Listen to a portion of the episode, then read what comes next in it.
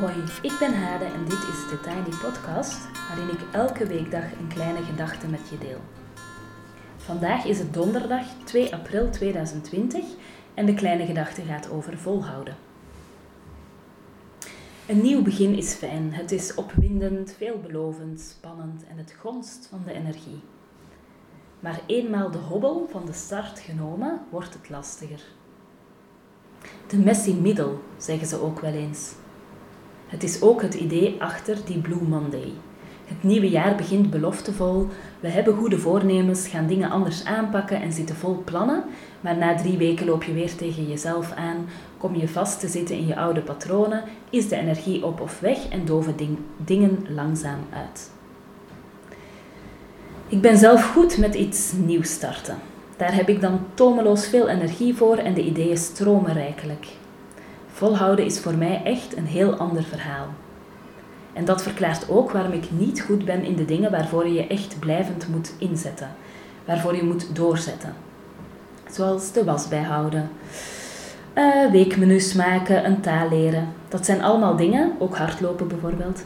Uh, dat zijn allemaal dingen die een blijvende inzet vragen en dat ligt me jammer genoeg niet erg. Ik ga ook niet zo van de complexiteit die ontstaat na een start. Je moet plots rekening houden met effecten van wat je doet, reacties, andere mensen. En dat remt en stoort me allemaal en liefst loop ik dan al weg. Vaak zitten de omstandigheden ook niet mee en is het dan heel verleidelijk om de handdoek in de ring te gooien. Maar ik probeer dat niet te doen en ik deel zo wat strategieën die ik daarvoor gebruik. Dus strategieën om vol te houden. Ehm, als jij ook iemand bent die wel graag aan dingen begint, maar het dan ook wel moeilijk vindt om uh, ze door te zetten. Ik ga er drie noemen. De eerste is gewoontes creëren. Want dat helpt echt. Binnen het programma The Artist Way verbinden deelnemers zich ertoe elke dag drie bladzijden te schrijven. Ik faciliteer dat programma uh, online binnenkort. En uh, als het geen coronatijd is, dan heb ik ook echt een cursus met mensen die bij mij de lessen volgen. En die cursisten die verbinden zich aan het begin van de cursus ertoe om elke dag drie bladzijden te schrijven. Free writing, intuïtief schrijven. Het schrijven van morning pages of ochtendpagina's heeft veel voordelen en daar ga ik vast nog eens dieper op in. Wat je eigenlijk doet is een stroom op gang brengen. In het begin zeurde ik over van alles en nog wat in mijn morning pages. Later kwamen er ideeën, beschouwingen, inzichten. Als je elke dag drie bladzijden schrijft, is het echt onmogelijk om niet eerlijk te worden met jezelf. Om niet tot inzichten te komen, tot helderheid. En soms duurt dat een half jaar, maar dan nog. De morning pages vragen elke dag weer een besluit. Het is heel verleidelijk te beslissen ze eens over te slaan, en op zich is dat echt geen ramp. Maar als je ze toch graag wil blijven doen, helpt het om een gewoonte te creëren. Een vast moment, een vaste plek en niet onderhandelen met jezelf. Dat moment kan je overigens ook leuk maken. Er is niets op tegen de morning pages of wat je ook wil volhouden, als gewoonte op een aangename manier te doen. Met een lekker kopje koffie in een fijn ingerichte ruimte met een muziekje aan. Ik noem maar wat. Een tweede strategie is het zoeken van een buddy. Ik weet zelf dat ik geneigd ben eruit te stappen in de messy middel. Dat is vaak niet eens een heel actief besluit, dat is meer een soort van geen zin, geen zin uitstellen, loslaten.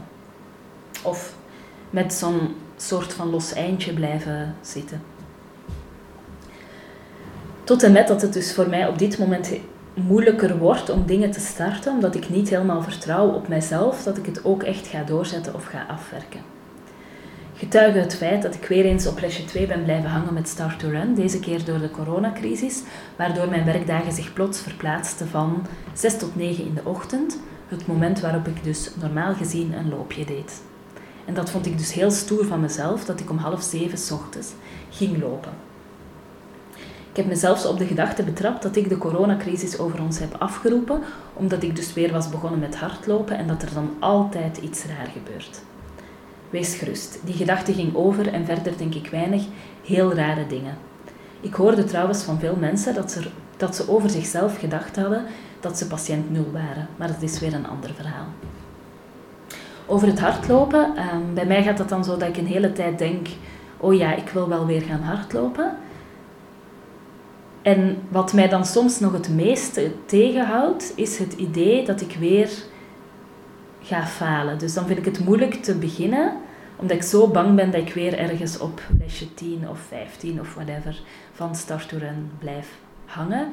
Terwijl de intentie natuurlijk is om gewoon tot les 30 uh, te komen en 5 kilometer op 30 minuten te kunnen hardlopen.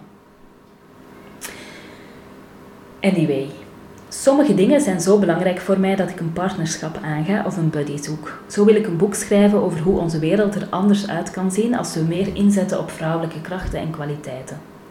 En daarvoor werk ik samen met Tamara Leenaerts van She Company. Niet alleen omdat ze een vrouw is die ontzettend thuis is in de materie, maar ook omdat ik weet dat de kans zo kleiner is dat ik er de brui aan geef in de messy middel. Ik reken erop dat zij mij er doorheen sleept en indien nodig sleep ik er haar ook doorheen. Beloofd. Ook jij zou dus een buddy kunnen benaderen om aan jouw project te werken of wat je ook wil volhouden te doen slagen. En dan de derde, last but not least, aanvaarden dat er ups en downs zijn. Het lijkt heel simpel, maar als je al een beetje incalculeert dat de dingen nu eens leuk zijn, bijvoorbeeld in het begin als ze nog nieuw zijn, en dan weer minder leuk, bijvoorbeeld in, uh, in die messy middel, is het makkelijker om door te zetten als het saai of moeilijker wordt. Ook het besef dat dingen niet leuk hoeven te zijn om ze te kunnen doen, kan helpen. En beseffen dat als je even iets losgelaten hebt, je het gewoon weer kan oppakken. Geldt bijvoorbeeld voor mijn hardlopen. Het is niet om omdat het nu even praktisch complex wordt om het te doen, dat ik het niet gewoon weer kan doen vanaf er weer mogelijkheid is, natuurlijk. Daarmee zijn we aan het einde gekomen van de Tiny Podcast van vandaag. Wil jij meer weten, dan kan je even kijken op thetinyoffice.com of op theartist2online.com. Daar vind je ook mijn contactgegevens, want uiteraard zijn jullie vragen en ideeën welkom.